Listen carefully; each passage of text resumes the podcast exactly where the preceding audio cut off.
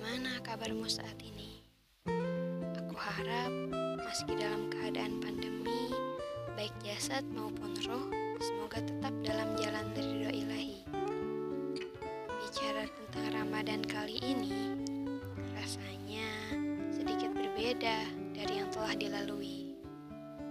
Tak ada bukber, gantungan sahur bersama saat fajar, bahkan tarawih menjadi di rumah sendiri-sendiri. Aku tahu ini mungkin terasa berbeda. Kita harus terus beradaptasi dengan keadaan karena ia selalu memaksa. Tapi jangan patah semangat dalam mengejar cinta ilahi, ya. Karena Ramadan hanya datang sekali dalam setahun. Maka mari kita coba buat berarti. Bayangkan bulan ini, pahala dilipat gandakan berkali-kali. Dosa-dosa bisa terampuni. Doa-doa yang dilangitkan bisa mustajab. Dan masih banyak lagi. Sayang bukan? Jika obral pahala dan kebaikan sebanyak ini kita sia-siakan dengan banyak nonton TV, drama, maraton film, dan juga asik sendiri.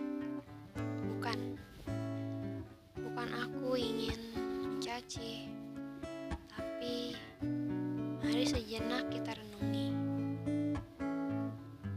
Ini hanya setahun sekali, bahkan belum tentu tahun depan kita akan menjumpainya lagi.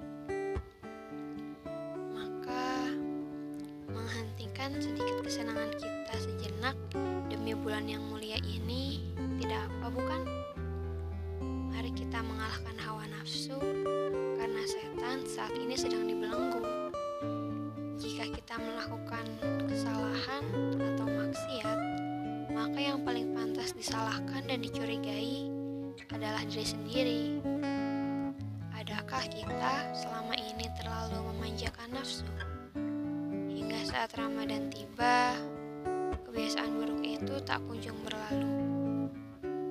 Bukankah kita adalah makhluk terbaik yang Allah ciptakan. Mari mulai menstimulus diri dengan amalan-amalan yang mampu membersihkan hati, membuat kita berjaya sebagai pemakmur bumi. Untuk semua saudaraku, teruslah bersemangat. Meski Ramadan kali ini dalam pandemi, aku tahu kalian mampu dan kuat untuk melewati Ramadan kali ini. Semoga pahala-pahala yang didapatkan akan berlipat-lipat dan di luar ekspektasi. Akhir kata, tetaplah bersyukur dan bahagia ya.